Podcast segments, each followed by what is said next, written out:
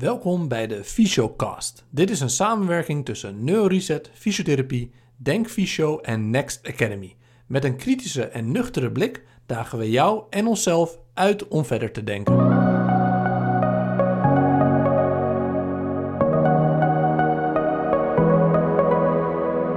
Welkom bij alweer de 20ste Fysiocast. Vandaag hebben we het met Bart Dingenen over overbelasting in de onderste extremiteiten. Bart is sportfysiotherapeut en postdoctoraal onderzoeker aan de Universiteit van Hasselt. Overbelasting is een van de grootste vormen van blessures die wij als fysiotherapeuten voorbij zien komen. En sinds de lockdown wellicht nog wel veel meer. We hebben het met Bart onder andere over het mechanisme van overbelasting, belasting en belastbaarheid, diagnose en nog veel meer. We wensen je veel luisterplezier en volg ons ook nog even via Instagram, neureset-fysio, denkfysio en Next Academy. Wil jij de opleiding van Bart volgen? De volgende opleiding van Bart, Overuse Letsel onderste extremiteiten bij sporters, is 1 en 2 oktober. Er zijn nog een aantal plekken beschikbaar. Ze zijn te boeken via de website van Denkfysio en Next Academy. Wees er snel bij.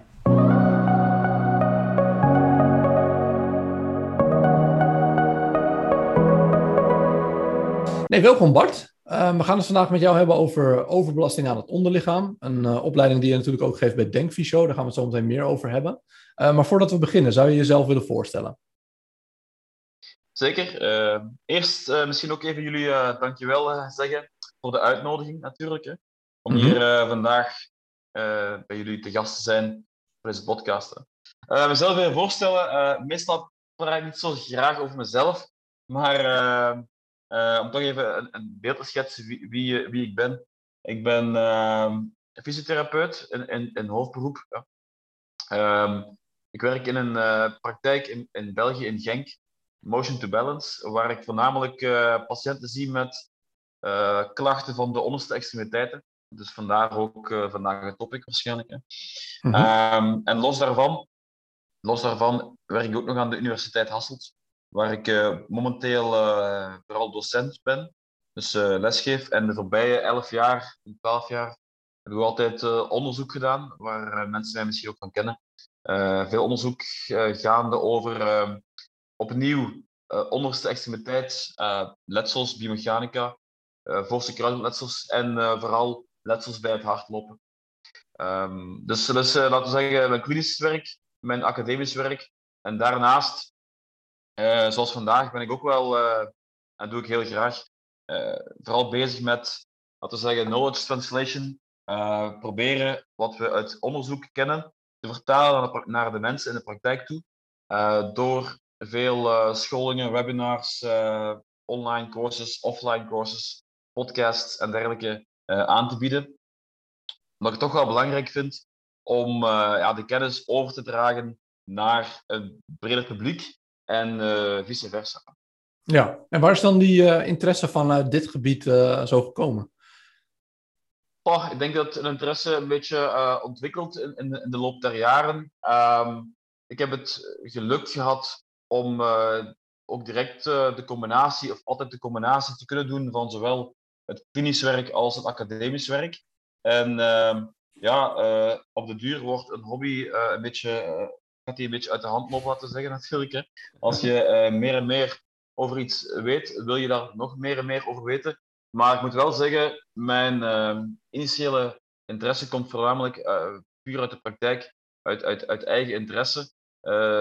ja, zelfs al voor ik met, mijn studies begon, was ik al zeer geïnteresseerd in het menselijk bewegen, in het, de mogelijkheid van mensen om, om na een blessure toch terug te keren, vooral dan bij sport.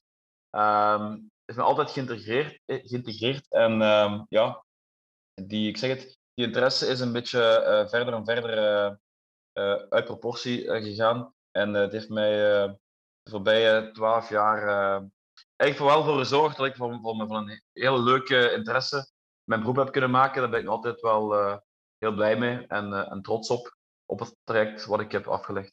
Ja, super gaaf. En um, we gaan natuurlijk vandaag vooral hebben over overbelasting een klacht die heel veel voorkomt eigenlijk. Hè? Ik denk dat ik het in de praktijk ook meer zie dan acute blessures. Ik weet niet hoe dat bij jullie is. Uh, maar het is een ja, best wel veel voorkomend probleem. Um, welke klachten zou jij onder de noemer overbelasting van de onderste extremiteiten benoemen? Ja. Als je een rijtje, kort rijtje verwacht. Ja, het kan inderdaad heel breed gaan. Hè. Ehm, de, term, de term is maar een term, zeg ik altijd. Ja. Een oorbelasting is misschien niet, zelfs niet de juiste term altijd. Hè. Dat we ook vaak te maken hebben met mensen die juist heel weinig actief zijn en toch een zogezegde overbelasting uh, kennen. Mhm. Maar uh, wat we zeggen, alles wat niet acuut is en de mensen uh, pijn geeft of hun beperkingen geeft in, het, in activiteiten of participatieniveau. Um, en in functie van sport ertoe leidt dat zij minder um, goed hun sport kunnen uitvoeren of niet meer. Wel, dat zou ik allemaal kunnen categoriseren onder overbelastingsletsels. Hè.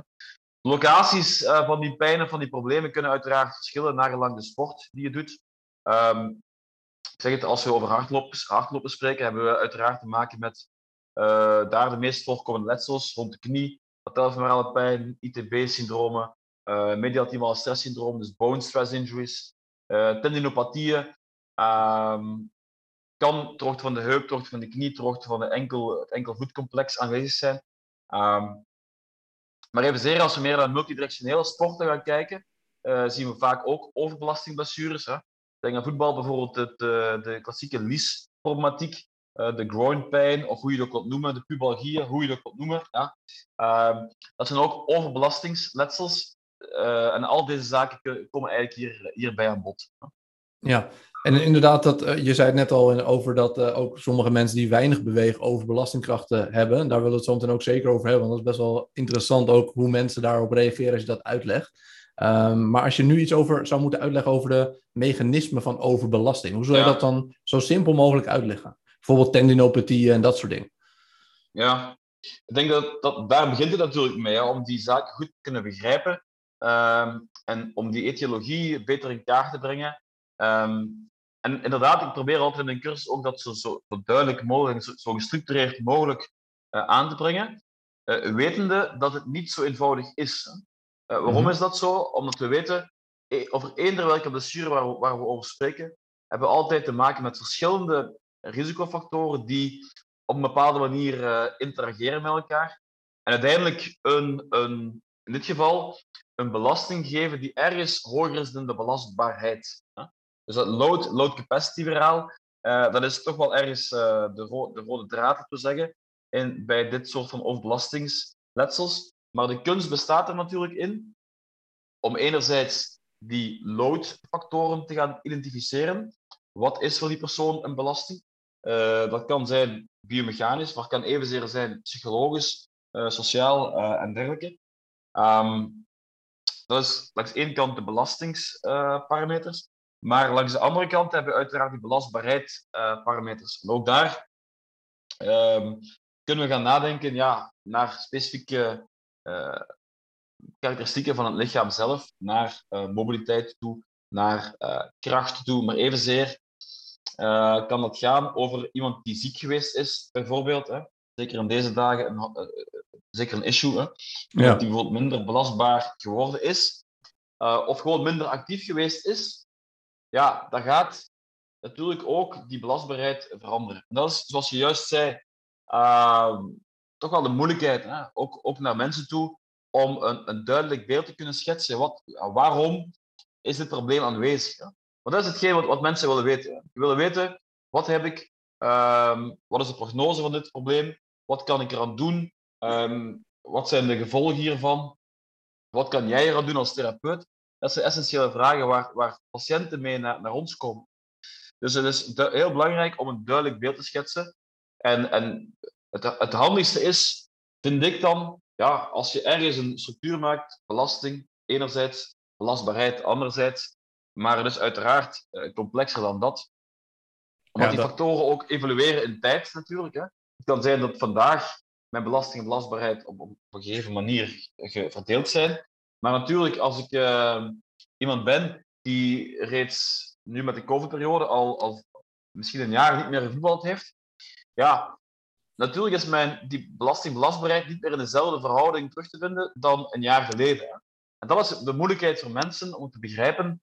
Zij denken nog altijd vaak van, oké, ik kon toen toch dat doen. Ja, dat is waar. Ik kon toen bijvoorbeeld drie keer per week voetballen. Maar uh, ondertussen ben ik wel een jaar uit competitie met de COVID-situatie, bijvoorbeeld. Hè. Ondertussen ben ik wel ziek geweest, heb bijvoorbeeld problemen gehad, uh, bijvoorbeeld op mijn werk, een thuissituatie, ben ik ziek geweest, uh, ben ik misschien wat kilootjes bijgekomen, bijvoorbeeld. Hè.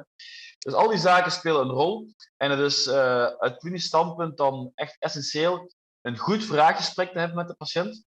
Echt doorgedreven anamnese te doen om een tijdslijn te maken en om bij wijze van spreken het logisch te laten worden voor de patiënt zelf, wanneer we die, die, al die factoren kunnen kaderen binnen een uh, simplistisch misschien wel uh, model, die belastingbelastbaarheid. Ja, dus als we het eigenlijk heel schematisch weergeven, is overbelasting een verschil in de belasting en de belastbaarheid. Maar als we het dan over die belasting hebben, hè, dan hebben we het dus over intensiteit, volume en dat soort parameters, toch? Um, ja, ja. Maar dan hebben, hebben, vaak mensen ook wel het idee dat het dan, oh ja, ik heb één keer dit gedaan of één keer dat. Hè. Maar is er een hele lange opbouw naar zoiets? Of is er, heb jij daar inzicht op? Snap je mijn vraag? Dus is er, moet je dat heel vaak achter elkaar doen om iets over te belasten? Of is soms één keer voldoende? Of... Ja, kijk, de, de meeste natuurlijk patiënten die uh, bij ons komen, die hebben al een tijd klachten. Je gaat, die milde persoon gaat zelden naar een fysio wanneer, ze, wanneer ze één keer een pijntje voelen. Um, het is meestal pas wanneer ze zelf niet uit die uh, problematiek geraken. Mm-hmm. En wanneer vooral die pijn of dat probleem um, een, een, echt een hinder is om zijn of haar activiteiten nog uit te voeren. Hè. Ja. Um, dat is vooral de reden waarom, waarom mensen daar naar ons toe komen. Hè. Maar het is inderdaad zo, als we de load gaan kwantificeren, is dat in functie van volume, in functie van intensiteit, in functie van frequentie en, en duur. Dat zijn inderdaad vier belangrijke woorden die je moet onthouden. Volume is dus uh, wat ik bijvoorbeeld per week doe. Intensiteit kan zijn bijvoorbeeld bij het hardlopen hoe snel ik dat zou doen, bijvoorbeeld. Hè? Of iemand die high-speed runnings gaat doen, uh, ik zeg maar, of sprints, echt uh, maximale snelheid gaat, gaat, gaat rennen. Dat zijn allemaal factoren die met intensiteit te maken hebben. Frequentie kan zijn per week, hè? gewoon de indeling in de week. Soms hebben we kinderen die bijvoorbeeld in het weekend uh, op zaterdag, op zondag wedstrijd spelen en dan de rest van de week bijvoorbeeld niks doen.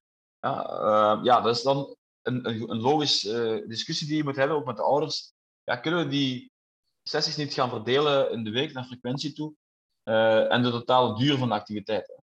Um, maar ja, om die belasting goed te kunnen inschatten, vergt natuurlijk ook doorgedreven kennis van de specifieke sport. Hè.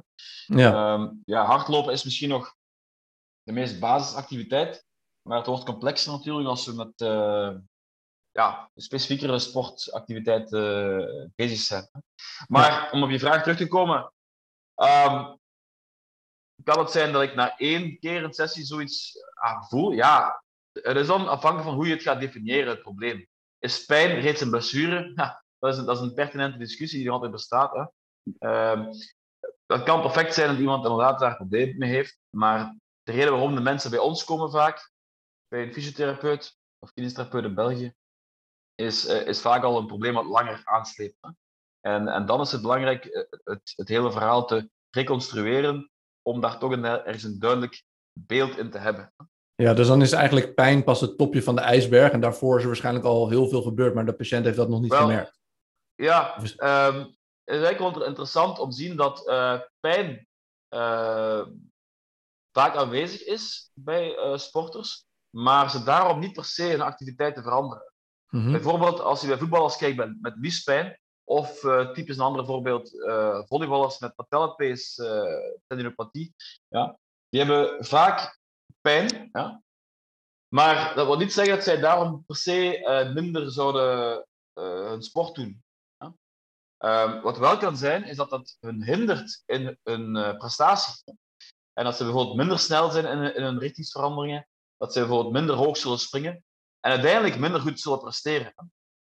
dus het is altijd een afweging van de persoon zelf, dat is zeer individueel. Wanneer stop ik met mijn activiteiten? Mm-hmm. En vaak is dat, is dat te maken met zowel prestatieverlies of uh, dat de activiteit echt niet meer uitgevoerd kan worden omwille van de pijn. Dat zijn vaak uh, twee, laten we zeggen, kantelpunten die bestaan in de reden waarom iemand hulp gaat zoeken.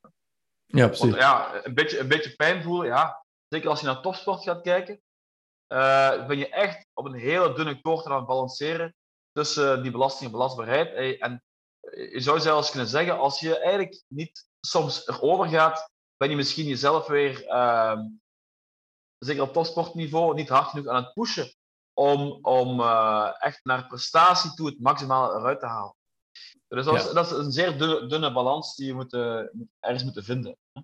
Ja, dus eigenlijk als we het hebben over die belang, belastingsfactoren, um, dan is het eigenlijk stap 1 heel belangrijk dat je dus intensiteit, volume en dat soort dingen uitvraagt bij de patiënt.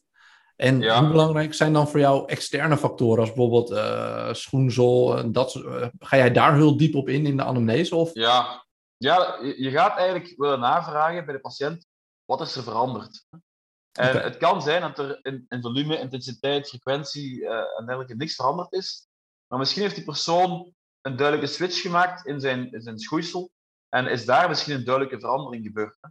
Of misschien uh, zijn er wat betreft het, het, het mechanische, uh, het, het, het uh, biomechanische wil ik zeggen, naar volume, intensiteit en, en activiteitenniveau, uh, zijn er geen veranderingen geweest.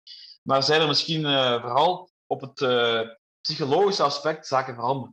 Hm. dat kan zijn een student die in de examenperiode zit, ehm, een familiale situatie die ertoe leidt dat een persoon minder slaapt, bijvoorbeeld.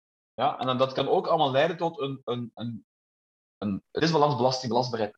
En daar zijn we ons de laatste jaren meer en meer van bewust. En daarom is het ook zo belangrijk om een heel goed gesprek te hebben met onze patiënt in de eerste, in eerste instantie, voor je gaat beginnen met je, met je behandeling. Om niet alleen het, uh, het, de lokale blessure te gaan bekijken, dat is één ding. Niet alleen dat biomechanische redenering gaan toepassen, wat, wat wat relevant kan zijn, maar voor sommige patiënten gaat dat veel te eng zijn. Sommige patiënten zullen we echt ruim moeten gaan denken en uh, dus gaan denken aan uh, wat we noemen dus een biopsychosociale context, uh, om alles goed, of om elk puzzelstukje in elkaar te kunnen gaan, gaan zetten. Ja, je probeert dus eigenlijk achter te komen, je belastbaarheid, daar heb je een soort van buffer voor nodig om ja, te kunnen herstellen, als ik het even heel schematisch weergeef. En je probeert eigenlijk op te sporen ook of die belastbaarheid is veranderd. Met dingen als slaap, stress en, dat. Ja, dan, dan komen we tot een soort van levensstijl uh, issue. Hè? En dat, dat wordt de laatste jaren toch wel meer en meer erkend dat dat belangrijk is. Hè? Uh, iemand die niet goed slaapt, iemand die, uh, die minder optimaal voedingspatronen heeft, wel, dan weten we dat dat ehm, een rol kan spelen in bijvoorbeeld het ontwikkelen van een tendinopathie of in het ontwikkelen van bone stress injuries. Hè? Als we mm -hmm. spreken over stressfracturen, is het heel interessant hè? Uh, om daar um, verder op in te gaan, op voeding, op um, zelfs hormonale issues bij, bij vrouwen, oh ja. ook bij mannen. Uh, dus het gaat verder dan alleen maar te denken, ja, kijk, uh, je, je, je hebt zoveel kilometer ben je bezig met hardlopen en dit is je, je loopstijl en, en, en dit is het verhaal. Ik denk dat, dat we daar vaak tekort schieten en ja. dat het in de komende jaren nog duidelijker gaat worden dat we echt een, breed beeld, ik noem dat een big picture view, moeten opstellen van een patiënt. En ik noem het ook een soort van profilering moeten maken van de persoon die voor ons staat. Wat is nu eigenlijk dominant bij deze persoon? Dan moeten een klinisch redeneren.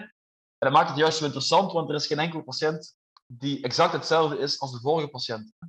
En dat uh, maakt het tegelijkertijd interessant, maar tegelijkertijd uh, geeft het ook aan hoe complex het, uh, het soms kan zijn. Ja, zeker weten. En um, als jij dan het hebt over, uh, kan je dat ook meetbaar maken in de anamnese? Of gebruik jij vragenlijsten of ja. uh, voor de belasting in kaart te brengen? Ja, afhankelijk van de activiteiten en afhankelijk van het specifiek probleem kan je bepaalde zaken meetbaar maken. Als we met het, het eenvoudigste voorbeeld zouden beginnen, een hardloper. De meeste hardlopers hebben uh, een bepaalde monitor, monitoring van hun afstanden intensiteiten, frequenties en dergelijke, een, een soort van logboek, wat, wat je eigenlijk makkelijk kan uitlezen op een, op een Strava of op een Garmin of in in wat ze gebruiken als, als smartwatch tegenwoordig. Um, om hun activiteiten goed te kunnen uh, inlezen. En niet alleen de activiteiten van, van deze week, maar zeker ook de activiteiten van de voorbije weken en zelfs maanden. Uh, en je zou, je zou zelfs verder kunnen teruggaan naar wat heb je gedaan in je kindertijd. Uh, iemand die nooit de activiteit heeft uitgevoerd en nu opeens beslist, ja, ik ga nu drie keer per week hardlopen, ja, dat weten we ook. Naar botkwaliteit gaat dat minder zijn. Maar uh, wat gebruiken we inderdaad? Die, die, die, die, wat, wat zij al reeds hebben, die monitoring. Um, eventueel, als we op hoger niveau spreken, bij voetbal en dergelijke uh, is er uh, dagen ook meer en meer GPS-data beschikbaar, maar op, opnieuw, dat is maar in een selecte groep aanwezig. Hè. Mm -hmm. um, en stel die data is beschikbaar, hoe, hoe wel, implementeer je dat dan? Want dat is best wel, uh, ja, je ziet dan cijfers, maar ga je dan op percentages van hoe snel iemand is ja. veranderd of waar de verandering is geweest? Of ja. waar let je dan op? Kijk, we, de laatste jaren hebben we heel wat uh, ontwikkelingen gehad en meer aandacht in de literatuur over um, hoe gaan we load monitoren. Wat we kunnen zeggen is dat op dit moment uh, nog geen uh, gouden standaard is in, in, een methode om belasting te monitoren. Ja, dat is één zaak. Belasting heb ik nu nog, nog maar puur over, over de activiteiten die een persoon doet. Ja. We hebben daar het verhaal van bijvoorbeeld Tim Gabbett, hè, van die acute versus chronische workload ratio. Uh, dat, is, dat geeft voor een deel weer hoe snel ik deze week, of hoe snel ik veranderd ben in activiteiten, van de hoeveelheid tenminste. Uh, wat ik deze week gedaan heb in vergelijking met de voorbije weken. Maar uh, als je daar kritisch een beetje tegenover staat en de huidige literatuur ook in aanschouwing neemt, weet dat er heel wat commentaar bestaat methodologisch op die, op die metric, laten we zeggen. Maar concreet uh, is het wel nuttig, denk ik, om een soort van, is het, ook al is maar een Excel te maken van kijk, en het overlopen van die persoon. Kijk, hier ben je echt wel, hier heb je echt een plotse verandering gemaakt in je activiteit. Bijvoorbeeld in volume, bijvoorbeeld in intensiteiten, of bijvoorbeeld in uh, meer bergop, bergaf gaan, gaan hardlopen, bijvoorbeeld. Je gaat op zoek naar duidelijke veranderingen.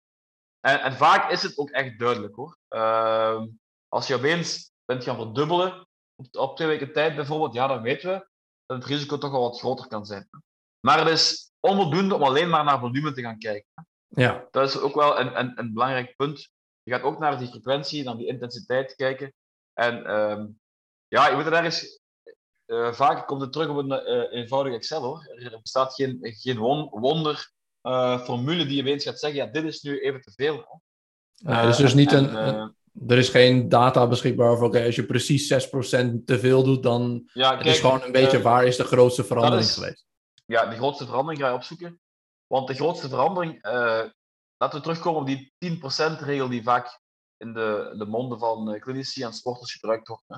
Traditioneel. Ja, die 10%-regel wil zeggen, zo gezegd, dat men niet meer dan 10% mag veranderen in zijn of haar activiteiten per week. Maar ja, die, die, die 10% is natuurlijk wel afhankelijk van wat je al doet. Ja, precies. Als ik al, als ik al uh, per week bijvoorbeeld 100 kilometer aan hardlopen doe, en ja, daar nog eens 10, daar nog eens 10% ga, ga bijzetten, ja, dan is dat natuurlijk dat is al een, veel grotere verandering in vergelijking met iemand die echt start-to-run doet. Uh, als ik één minuutje hardloop, één minuutje gewoon stap en dan terug aan het hardlopen ben, ja, als je daar 10% gaat bijtellen telkens, dan ben ik heel lang bezig voordat ik natuurlijk bij mijn uh, misschien doel van 5 of 10 kilometer ben. Hè? Misschien zelfs te traag wat het zou moeten zijn. Uh, dus je moet heel goed nadenken, wat is de voorgeschiedenis van die persoon en hoe snel we kunnen vooruitgaan. Maar te plotse veranderingen, zeker in combinatie met die zaken die we juist aanhaalden, ja, dat kan een minder goed scenario zijn. En zijn er dan dingen in de belastbaarheid die je wel kan meten? Bijvoorbeeld met een, een ja. slaapscore of een hartslag, ik noem maar wat. Um, ja, ik denk de eenvoudigste manier om belastbaarheid ook te gaan opmeten, wat ook wel door de literatuur uh, onderbouwd wordt, is bijvoorbeeld spierkracht gaan meten. Ja, spierkrachtmetingen gaan doen. Uh, nu, spierkracht, dat zien we ook uh, terug wanneer ik cursussen geef. Spierkracht, zoals we die traditioneel meten, zijn het isometrisch of zijn het excentrisch. Um, geeft natuurlijk maar een beperkt beeld. Um, wat, we, wat, wat, ik daarmee bedoel is dat we, zeker als we over specifieke sporten spreken, waarbij bijvoorbeeld springen of sprinten uh, op de voorgrond komt te staan, daar is het eigenlijk ook belangrijk het hele uh, force velocity profile een, beetje in kaart te brengen. Hè. Dus het is niet omdat je sterk bent aan trage snelheden dat je ook goed performant bent aan, op hoge snelheden. Dus dat zijn ook zaken die je zou kunnen gaan meten, net zoals reactieve kracht. Denk aan een drop, jump. En ik ga bijvoorbeeld met een MyJump app bijvoorbeeld meten hoe lang is iemand aan de grond, hoe lang is iemand in de lucht. Ik meet, meet daar de verhouding tussen. Geeft mij een idee over de reactiviteit van het onderste lidmaat, zeker de enkel en de knie uh, voornamelijk. Uh, en, en, zo kan ik ook al een, een beeld krijgen van bijvoorbeeld links-rechts verschillen of van de, het profiel van die patiënt opnieuw.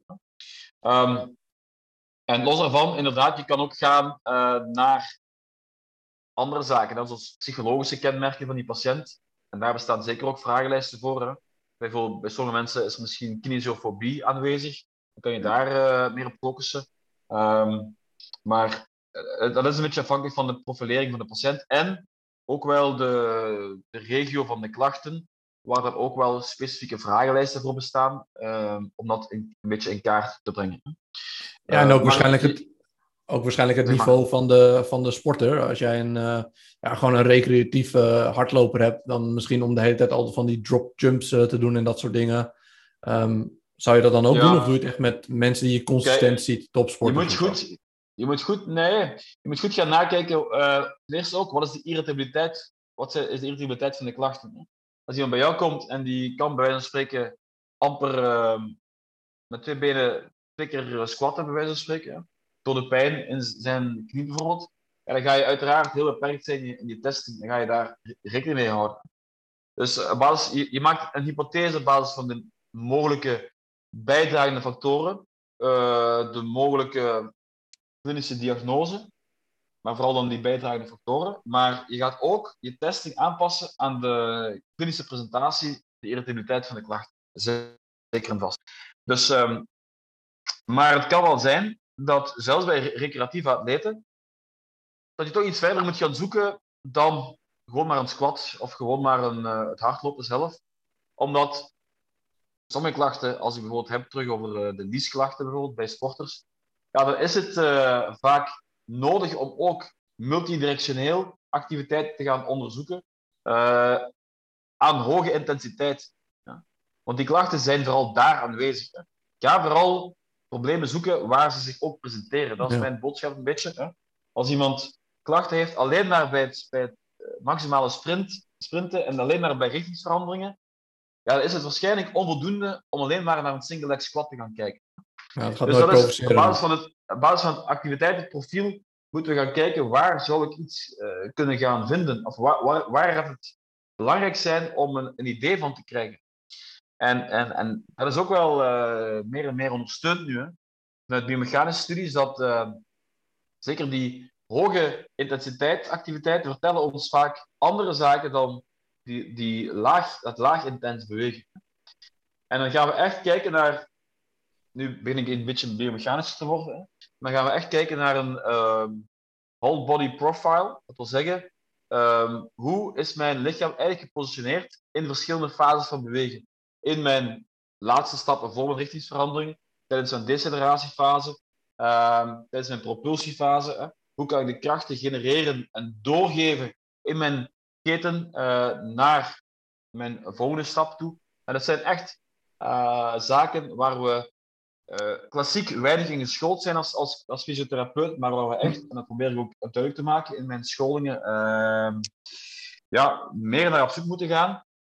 En dan pas kunnen we echt gaan redeneren om een totale beeld van die patiënt goed in acht te kunnen gaan nemen. Maak je hierbij ook veel gebruik dan van beeldmateriaal? Dus echt je patiënt op film krijgen? Ik denk, zeker als we aan hoog, over hoog intens bewegen gaan spreken, dan is het uh, onvoldoende om te denken dat we alles kunnen waarnemen dat, uh, met het blote oog. Uh, dan is zeker het, een, een bijgevoegde waarde om te gaan gebruik te maken van videomateriaal. Uh, zeker dan slow motion, omdat we zeer snelle activiteiten niet met het blote oog goed kunnen waarnemen. Dat is één ding, om een kinematisch beeld te kunnen krijgen van die activiteit. Maar wat ook interessant is, dat we de hele dagen ook uh, bijvoorbeeld op een eenvoudige manier ook gebruik kunnen maken van accelerometers, die we op, bijvoorbeeld op de romp of op, de, op, de, op het scheen kunnen plaatsen, of de voet, die ook een, een, een indicatie kunnen geven over de krachten die inwerken op, op het lichaam die we met het blote oog ook onmogelijk kunnen zien. En er zijn ook heel wat zaken op de markt tegenwoordig die daar ook ehm, eh, kunnen helpen om nog een beter beeld te geven van, van wat eigenlijk de patiënt juist doet bij het bewegen. Hè. En dan kunnen we wel zeggen, ja, er is niks, maar we kunnen alleen maar zien wat we, waar we naar kijken. Dat is al één punt misschien. Hè? Uh, maar we kunnen ook maar analyseren waar we kennis van hebben. Dat is ook een, tweede punt. Ja. Uh, als we daar geen kennis van hebben van die beweging, zeker van het hoog intens bewegen, dan gaan we ook bepaalde zaken gewoon niet ja, kunnen, kunnen zien of kunnen waarnemen en zeker niet kunnen begrijpen. Um, en uh, dat is wel belangrijk om, om, om weten. En dat zijn hulpmiddelen inderdaad uh, die we kunnen gebruiken. Videomateriaal is met iPads uh, tegenwoordig goed doenbaar hè, om in de praktijk toe te passen. Maar ook tegenwoordig met, bijvoorbeeld, zoals ik juist al aangaf, die relativiteit, de spronghoogtes, ja, die zijn allemaal vrij eenvoudig te meten met, met, met gewoon je iPad zelfs. Hè. en als je dat kan toevoegen met eventueel nog accelerometers, dan heb je echt wel een goed beeld wat die persoon eigenlijk doet op een eenvoudige, low-cost uh, manier in de, in de klinische praktijk. Cool. Dus we hebben nu eigenlijk gehad over het uh, mechanisme van overbelasting. Uh, hoe je belasting in kaart kunt brengen. Hoe je de belastbaarheid in kaart kan brengen. Maar waar ik nog heel erg benieuwd naar ben, is als je puur klinisch kijkt. Hoe kunnen we dan zeg maar de symptomen. Wat zijn de veel voorkomende symptomen bij overbelastingklachten? Dat is natuurlijk heel breed waar we het nu over hebben. Ja, ja, kunnen we een onderscheid maken tussen acuut en overbelasting? Bijvoorbeeld in de vorm van pijn of ja, de meeste patiënten komen vooral wel met pijn uh, naar, naar, ons toe. -hmm. um, in sommige gevallen gaat het ook over neurologische symptomen, waarbij de neurodynamica dan soms ook een rol speelt. Dat is ook zeer interessant uh, als differentiaaldiagnose vaak. Zeker bij de voet en bij het scheenbeen komt het wel een keertje voor dat het, uh, het zogezegde peesprobleem misschien geen uh, peesprobleem is, maar misschien een neurologische component betrokken is. Dus je moet goed gaan luisteren wat de klachten zijn, maar meestal is het pijn. Um, het verschil is dat, dat de patiënt bij jou kan staan en, er, uh, en dat is dan het verschil met een acute blessure, dat er misschien op dat moment helemaal geen pijn is. Ja. een hardloper kan misschien pas klachten krijgen als hij 10 kilometer aan het hardlopen is geweest. Hè. En bij jou in de klinische praktijk, als hij daar staat, gaat hij typisch zelfs geen pijn hebben. Hè?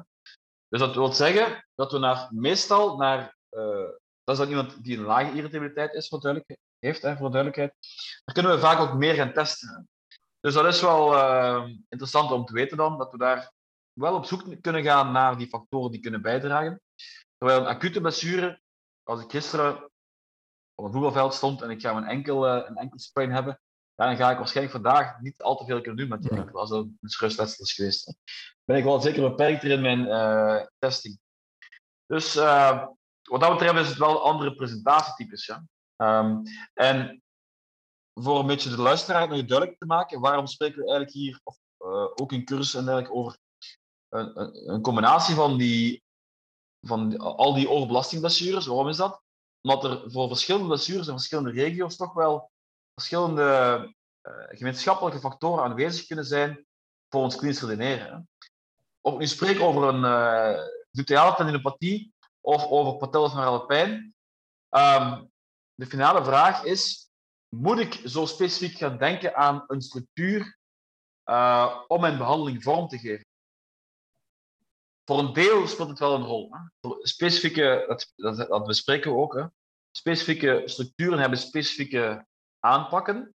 Maar het achterliggende verhaal kan zeker gemeenschappelijke factoren hebben, uh, los van de locatie van de kracht in de onderste extremiteit.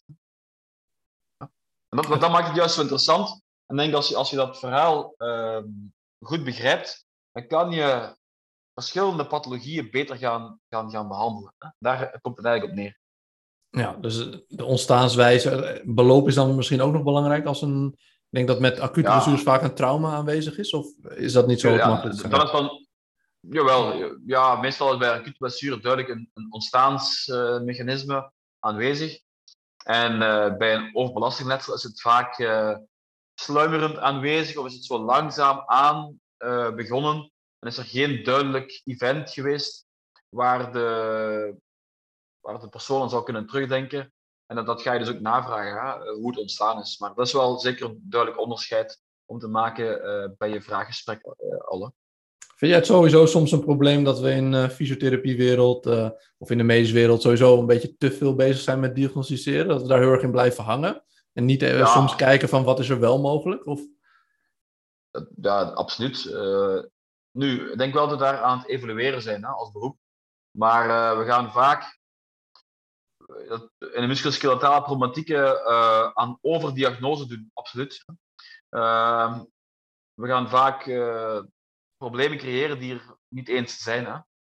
Um, denk aan de beenlengteverschillen, de bekkenscheefstanden, de muscle disbalances, die vaak ontstaan zijn door hypotheses, maar die vaak weinig evidentie hebben.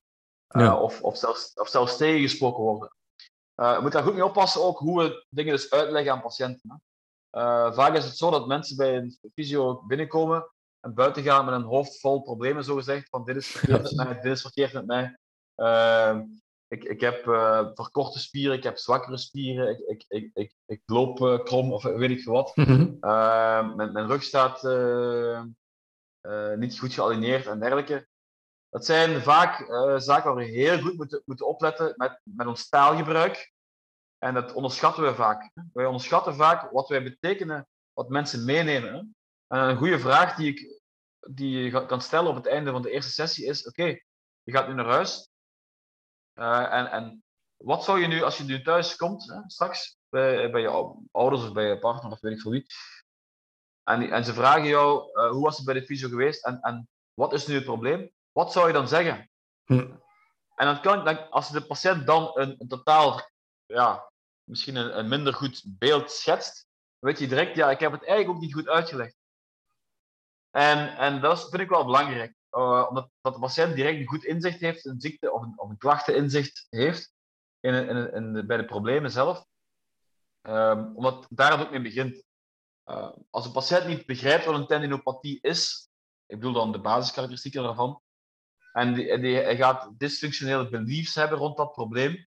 Bijvoorbeeld, ik moet vooral rusten, ik, ik moet hmm. vooral gaan rusten omdat ik anders mijn pees ga scheuren en dergelijke. Dat zijn dysfunctionele beliefs. Als die aanwezig zijn, dan kan je doen wat je wil als fysiotherapeut, maar dan ga je nooit tot je einddoel komen, misschien een persoon terug actiever krijgen of een oefentherapie aan de slag krijgen. Omdat die persoon beliefs heeft die in tegenspraak zijn met jouw mogelijke interventie. Dus daar moeten we goed mee opletten. En, en, en dat, dat komt neer op educatie in de beginfase naar de patiënt toe. Ja, duidelijk, duidelijk. En we hebben het natuurlijk net vooral gehad over, die uh, anamnestische uh, factoren. Maar als, ik heb die opleiding bij jou gedaan en dan ben je natuurlijk ook veel aan het testen en eigenlijk ook de capaciteit van iemand in kaart aan het brengen. Wat zijn volgens jou nog andere belangrijke ja, specifieke testen of orthopedische testen waar iemand of een fysio mee aan de slag kan om ja, verschillen aan te tonen in belastbaarheid of dat soort dingen? Echte specifieke testen, zeg maar. Nogmaals, afhankelijk van de activiteit die ge, mm gebeurt, iemand die uh, veel sprongen uitvoert, ga ik inderdaad uh, kijken naar, de, naar bijvoorbeeld sprongen, links-rechts verschillen in hoogtes, in kwaliteit van bewegen, met videoanalyse en dergelijke. Kunnen we zeker gaan bekijken. Uh, maar uh, vaak gaan we op zoek, als we nu puur even over spierkracht zouden hebben, is vaak de neiging van ja, alles is, uh, heeft te maken met de glutes. Hè? Het is all about ja. glutes, horen we vaak hè? In, verschillende therapeuten spreken of vooral ook testen en, en werken. Uh, voor een deel, ik spreek dat niet tegen dat het niet belangrijk zou zijn, maar ik denk dat we over het algemeen veel te weinig aandacht besteden aan alles wat bij de onderste extremiteit dan van beneden zou beginnen. Hè. En zeker de, bijvoorbeeld de kuitcapaciteit is voor de meeste gewichtsdragende activiteiten een uh, zeer essentiële factor. We weten dat, uh, dat de, de, grootste aandeel van de krachten bij het hardlopen vooral geabsorbeerd uh, of, of, voorzien moeten worden door uh, bijvoorbeeld de Solewis. Bijvoorbeeld, hè. Dus mm -hmm. dat zien we ook de laatste jaren meer en meer terug in onderzoek. Het belang daarvan, zowel bij, het, bij het hardlopen als bij het hoog intens bewegen, dat er een belangrijke rol is weggelegd voor voet- en, en kuitmusculatuur. Dus de eenvoudigste test die je daarbij kan doen is bijvoorbeeld een, een single leg heel race. Ehm, ja, en dan als je het kwalitatief gaat bekijken, naar het aantal herhalingen ook, ja, dan zijn er mensen die dat, dus, dat, zelfs niet één keer goed kunnen. Dus dan weet je, ja, dan weet je, dan weet je zelf, dan moet je niet heel ver gaan kijken natuurlijk. Ehm, of alleen maar kunnen met bijvoorbeeld compensaties in, in de knie of in het bek en dergelijke. Ehm, je kan het ook uh, gaan toepassen met een handheld dynamometer. Hè. Wordt ook heel handig om te gebruiken in de praktijk. Om toch een idee te kunnen hebben van die uh, krachtprofielen van de patiënten. Links-rechts vergelijking is daar een, een, handige tool. Je kan het ook gaan, gaan uh, matchen in functie van het lichaamsgewicht. Um, dat zijn ook methodes die kunnen toegepast worden, waar we dan in de cursus ook meer in detail op ingaan. Um, maar los van spierkracht gaan we ook zeker kijken naar mobiliteit. Mm -hmm. ja. Motorische controle gaan we bekijken. Um, mobiliteit, dan heb ik het zeker over de belangrijkste zaken in het, in het vlak. MTP 1 mobiliteit, dorsaalflexie mobiliteit in de enkel. Um, heupmobiliteit, uh, dat zijn zaken die toch wel een bepaalde relevantie hebben naar de basisactiviteit al die we uitvoeren, zijn de hardlopen en springen en versnellen. Um, en, en, op die manier probeer je toch wel een beeld te schetsen opnieuw van, je, van die patiënt in feite. Ja, en hoe belangrijk is in jouw optiek de, het beweegpatroon? Dus inderdaad, uh, dat je een loopanalyse doet. Ja. Want ik vind het altijd lastig ook om, om te interpreteren in de zin van, ja, iemand heeft waarschijnlijk al heel lang dat beweegpatroon. Heeft misschien twee maanden nu die overbelastingsklachten. Soms ook lastig om dan, is er dan iets veranderd? Of is het dat dan de belastbaarheid lager was, dus dat het lichaam het op dat moment even niet trok? Ja. Ik denk, ook daar moet je, dat, dat, die interpretatie begint ook wel bij het vraaggesprek. Hè. Het, het zou ook kunnen zijn dat die patiënt zegt, ja, wat is er veranderd? Ja, sinds uh, twee maanden, ik heb gelezen in een boekje ergens, in een magazine, dat ik vooral op mijn voorvoeten moet, ga, moet gaan lopen. Hm. Ja, dan is het natuurlijk duidelijk, dat heeft die persoon veranderd. Maar vaak hm. is het niet zo, niet zo duidelijk. Hè. Uh, vaak is het uh, inderdaad een probleem, die persoon heeft pijn en op, op een gegeven moment, en eigenlijk wat het probleem is, is dat die structuren ergens op een bepaalde manier gesensitiseerd zijn en dus een pijn geven. Niet dat die patiënt opeens, opeens moet gaan denken dat zijn uh, kraagbeen weg is of dat hij een uh, pees gaat scheuren of weet ik veel wat. Mm Maar uh, als je de weegpatroon gaat bekijken, wil je ook even gaan, gaan checken. Misschien als je het direct wel gaat bijsturen, is dat ergens in de relevantie. Uh, dat is een soort van symptom modification die je kan doen als ik het een beetje verander, eh, kan die persoon dan misschien al langer een activiteit uitvoeren. En uh, kan ik op basis van de klinische biomechanica het patroon relateren met structurele belasting. Maar dat is een punt waar ik nog niet op, op, op ben teruggekomen. Um, de totale belasting, zoals volume, intensiteit en, en dergelijke, is, is niet hetzelfde als de structuurspecifieke belasting. Ik kan uh, eh, 10 kilometer in hardlopen maar persoon A zal het doen met een andere manier van, van, van bewegen, waardoor de uiteindelijke Achillespeesbelasting, de cumulatieve structuurspecifieke Achillespeesbelasting bijvoorbeeld, uh, wel er anders zou uitzien dan bij persoon B. Hè. Dus dat is, uh, dan moeten we heel goed, moeten vooral een goed, goede kennis hebben, goede kun, kunde hebben, om een specifieke sportbeweging te kunnen gaan uh, analyseren. En mhm. dan eventueel in relatie brengt met de locatie van de klacht en de belasting die op die regio terechtkomt, bijvoorbeeld een scheenbeen of een, een Achillespees of een gluteale pees. Ja. Um, als dat niet duidelijk is, moeten we het ook niet daaraan zoeken. Hè?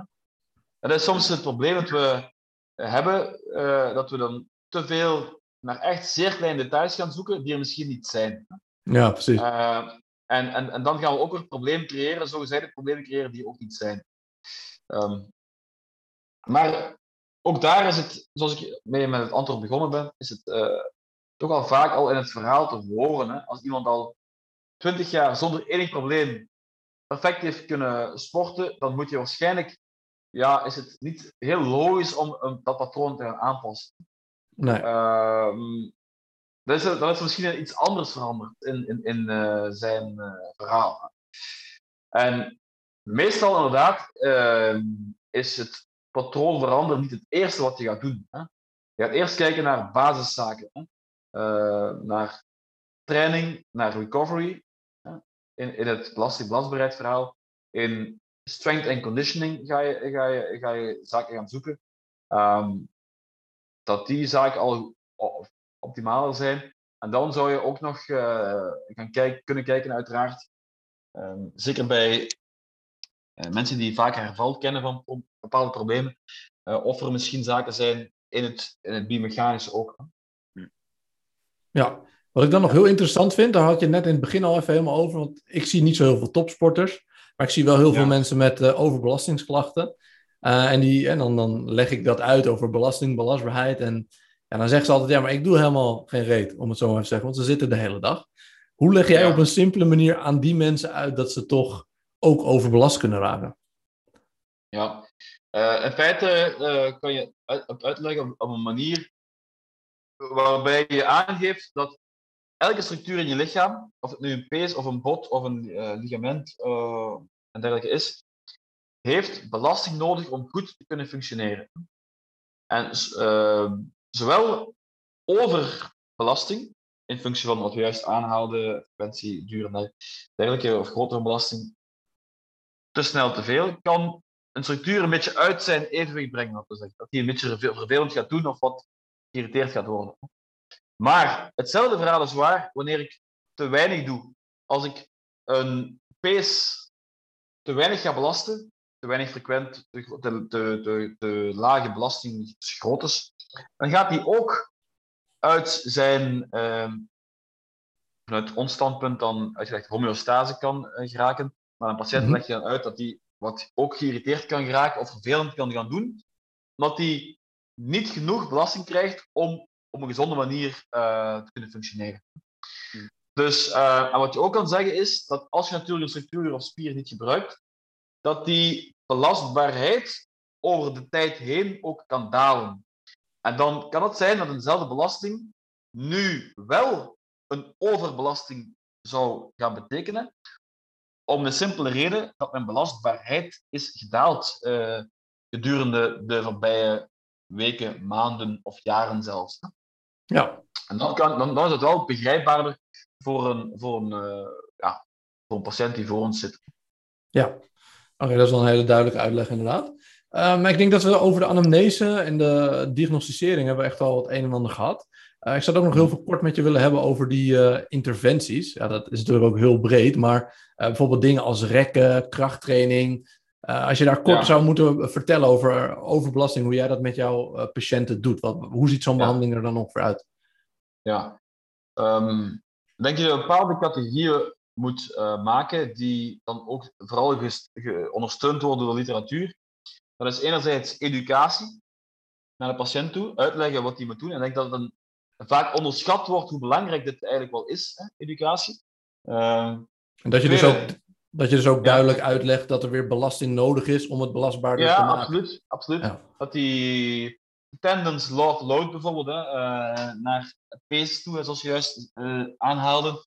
Uh, ja, duidelijk aangeven wat er eigenlijk van aan is, wat belangrijk is wat, wat de mechanismen zijn die aan de, uh, de ja, wat zou bijdragen tot die klachten. Dat is educatie. Hè. Load management is een tweede aspect. Dat wil zeggen, wat doet die persoon uh, van belasting en hoe moeten we dat nu misschien korttijdig even aanpassen om dan punt 3 oefentherapie uh, te gaan toepassen, vaak naar krachttraining inderdaad, om de capaciteit te gaan verhogen. Wat, wat zijn nog meer... Sorry dat ik je onderbreek hoor, maar wat zijn, als je het over krachttraining hebt, wat zijn dan zeg maar de... Uh, wat veranderen? Dus je hebt de capaciteit die dan verbetert. Wat zijn nog meer effecten die... Want soms, ja, ik heb altijd het uh, probleem zeg maar, dat, dat mensen... Uh, ja, die, die vinden er ook geen reet aan om krachttraining te doen. Dus het is best wel belangrijk uit te nee. leggen van... Ja, dit is wat we met krachttraining gaan doen. Um, ja. En dat is dus één, de capaciteit wordt beter. Wat zijn nog meer ja. positieve effecten? kijk, krachttraining kan op heel wat zaken positieve effecten hebben. En, en het is wel interessant om te zien zelfs dat we gaan, iets, we gaan iets doen als therapeut. We gaan bijvoorbeeld krachttraining doen. Maar uh, we weten zelfs niet zeker of het door de krachtverbetering zelf is dat de klachten ook zouden verminderen. Dat is een heel interessant uh, item. Uh, hetzelfde voor mobiliteit. Is het omdat ik iets heb gedaan dat het daarom is dat de klachten verminderen? Dat weten we niet. uh, hoe tegenstrijdig dat ook zou klinken, hè? maar dat is wel zo. Maar is um, in dat perspectief ook zo dat het ook zou kunnen zijn dat de persoon terug meer vertrouwen krijgt in dat lichaamsdeel. En dat hij dat terug meer durft te gebruiken. En uh, op die manier een positief effect zouden kunnen hebben op het functioneren van de patiënt. Ehm, maar inderdaad, van de personen die echt niks of te weinig doen, ehm, zou je kunnen, kunnen uitleggen. Kijk, dit is jouw doel, dat heb je duidelijk aangegeven. Dat is maar één manier om daar te geraken, is enerzijds jouw niveau optrekken. Je kan blijven sukkelen hier en blijven proberen, maar jouw niveau moet omhoog. Punt. En, en, en dit is een, een start om uiteindelijk dan naar de volgende stap te kunnen gaan, meer naar die bewegingservatting uh, te kunnen toegaan en terug plezier te hebben in het bewegen. Uiteindelijk komt het daarop neer. Hè? Zeg je nou eigenlijk dat... Sorry. Sorry. Zeg eigenlijk dat functie en activiteiten uh, uh, winst hierin belangrijker is dan meteen een klacht of pijn naar beneden brengen? ja, het kan inderdaad een progressie zijn die mensen ook vaak niet, niet goed begrijpen, maar als je, het goed, als je het goed duidt wel. Dat misschien een persoon al meer kan, maar het, pijn, het pijnniveau nog hetzelfde is. Dat is ook een verbetering. Hè? Dat is ook een verbetering die je moet bekrachtigen naar patiënten. En denken, ah ja, eigenlijk is het wel waar. Nu doe ik wel echt veel meer al uh, de voorbije twee weken. Als je het vergelijkt met de tijd daarvoor. De, maar uh, de pijn wordt niet meer. En dan moet je zeggen, ja, inderdaad, dat is, een goede verbetering. Hè? Je doet al meer. En uh, het, het, het, bekrachtigen van toename in activiteit, toename van ja, participatie eventueel. Dat kan zijn zelfs voor een niet-actieve persoon het aantal stappen dat iemand zet per dag. Dat moet je goed gaan bekrachtigen. En omdat dat ook gedragsmatig een, een, een verandering gaat teweegbrengen bij die persoon. En de persoon uh, zich, beter gaat voelen als jij zegt dat iets goed is. Dat is een zeer krachtig tool wat we hebben.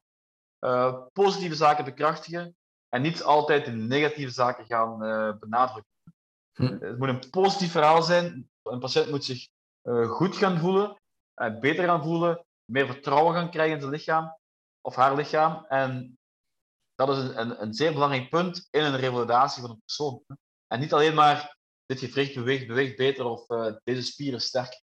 Ja, dus als ik je heel veel mag samenvatten over krachttraining als interventie, dat vind ik best wel interessant inderdaad. Van, het gaat dus niet per se om pure kracht, maar wel om capaciteit. Maar iemand die al heel sterk is, betekent niet dat als je meer kracht krijgt, dat je dan minder pijn hebt. Die relatie is er kennelijk niet. Nee. Maar het gaat er meer om dat je in een veilige omgeving langzaam weer dingen gaat doen waar misschien het brein een beetje bang voor is geworden. Is dat een beetje. Ook, ja, bij sommige patiënten. Hè. Bij sommige patiënten is het wel heel duidelijk dat er een spier, echt een duidelijke spierzwakte is. Denk bijvoorbeeld na een operatie of zo. Uh, denk bijvoorbeeld iemand na een voorste kruisband krijgt nu altijd patelverale pijn.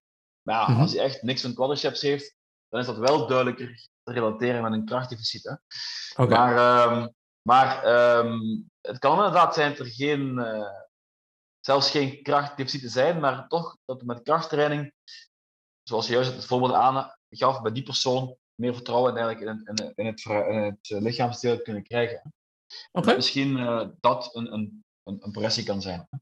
Ja? Okay. En om even terug te komen op, op, de vraag hoe pak je dat aan? Je hebt educatie, je hebt load management, je hebt exercise therapy, hè? Uh, capaciteitsverhoging en het laatste punt zou kunnen zijn uh, die movement retraining. Hè? het gaan toepassen in de bewegingen zelf. Um, en niet te veel regels daarin opleggen aan de, aan de mensen zelf. Uh, van je moet, zo of je moet zo bewegen. Nee, laat de mensen terug even leuk vrij bewegen. Laat ze terug plezier hebben in het bewegen. Je kan inderdaad wat cues gaan geven, maar die cues moeten zeker niet restrictief gaan zijn of te descriptief gaan zijn van wat moet hè, volgens jou uh, de zogezegd meest optimale beweging zijn. Dan komen we tot motorisch leren ja, wat misschien een heel andere discussie zou zijn, waar we vandaag waarschijnlijk geen tijd voor hebben. Maar uh, ja, dat is dan het motorisch leren waar we dan uh, een, een verbetering in willen, willen, willen krijgen. Hoe uh, bij, bij het load management? Ik denk dat je daarmee bedoelt dat je een periode neemt waarbij activiteiten die de pijn heel erg triggeren, dat je die omlaag brengt. Ja, je gaat, je gaat inderdaad ehm, de meest provocatieve zaken die uh, misschien ook in de weg zullen staan van een verbetering in de capaciteit met oefentherapie. Uh, die ga je even eruit halen. En het kan zijn gewoon al de intensiteit, kan zijn de duur, kan zijn de frequentie. Je gaat, daar, je gaat wel trachten, altijd, uh, in de meeste gevallen toch, de persoon actief te houden. Je gaat zelden zeggen, complete stop, tenzij, tenzij te maken hebt met een uh, botstressfractuur bijvoorbeeld. Hè. Een heel duidelijk structureel letsel, wat wel het nodig maakt om toch even een stop te doen. Of, of echt, echt niet te belasten. Maar de meeste gevallen ga je toch proberen te blijven belasten, maar op een aangepaste manier. En dat, dat, dat is belangrijk om daar een duidelijke richtlijn in te geven. Ja? En dan een planning te maken samen met de patiënt om uiteindelijk wel die belasting terug omhoog te krijgen natuurlijk. Hè? Ja. ja, precies. Ja, super Bart. Ik denk dat we de meeste dingen al hebben besproken. Uh, ik heb nog veel meer vragen, maar ik denk dat we dan een beetje te lang doorgaan. Ja. ja. Ik, heb zelf, ja, ik heb zelf die opleiding gedaan, denk ik, anderhalf jaar geleden. En ik heb er echt super veel aan gehad ik denk dat je op een hele gestructureerde manier eigenlijk leert hoe je naar dit soort problemen moet kijken. Um, dus voor mensen die hier meer over willen weten, kunnen op de website van Denkvisio of Next uh, Academy kijken. Ik zal uh, de link er ook even inzetten. heb jij verder nog iets toe te voegen, Bart? Nee, ik denk uh, inderdaad, zoals je zegt, je, je kan inderdaad nog heel veel dingen discussiëren, maar dit soort van podcast is het belangrijk een aantal basisprincipes al aan te halen. Precies. En moesten er mensen meer interesse hebben in, in nog verdere informatie en, en, de klinische toepassing, toepassing hiervan, dan kan het, zoals je zegt, zeker in, in uh, cursussen die ik geef, uh, toegelicht worden. En ehm, moesten mensen mij ook willen contacteren, kan het altijd via mijn ehm, sociale media kanalen, bijvoorbeeld via Instagram, at Bart Dingenen, ben ik zeker te contacteren, of via mijn e-mailadres, wat misschien ook achteraf kan gedeeld worden, misschien. Zeker. Uh, Patrick. Um, of via mijn website www.bartdingenen.com. Uh, daar heb ik ook heel wat uh, informatie ehm, verzameld um, die nuttig kan zijn voor jullie als fysiotherapeut. Super, dankjewel Bart. Mooi. Oké. Okay.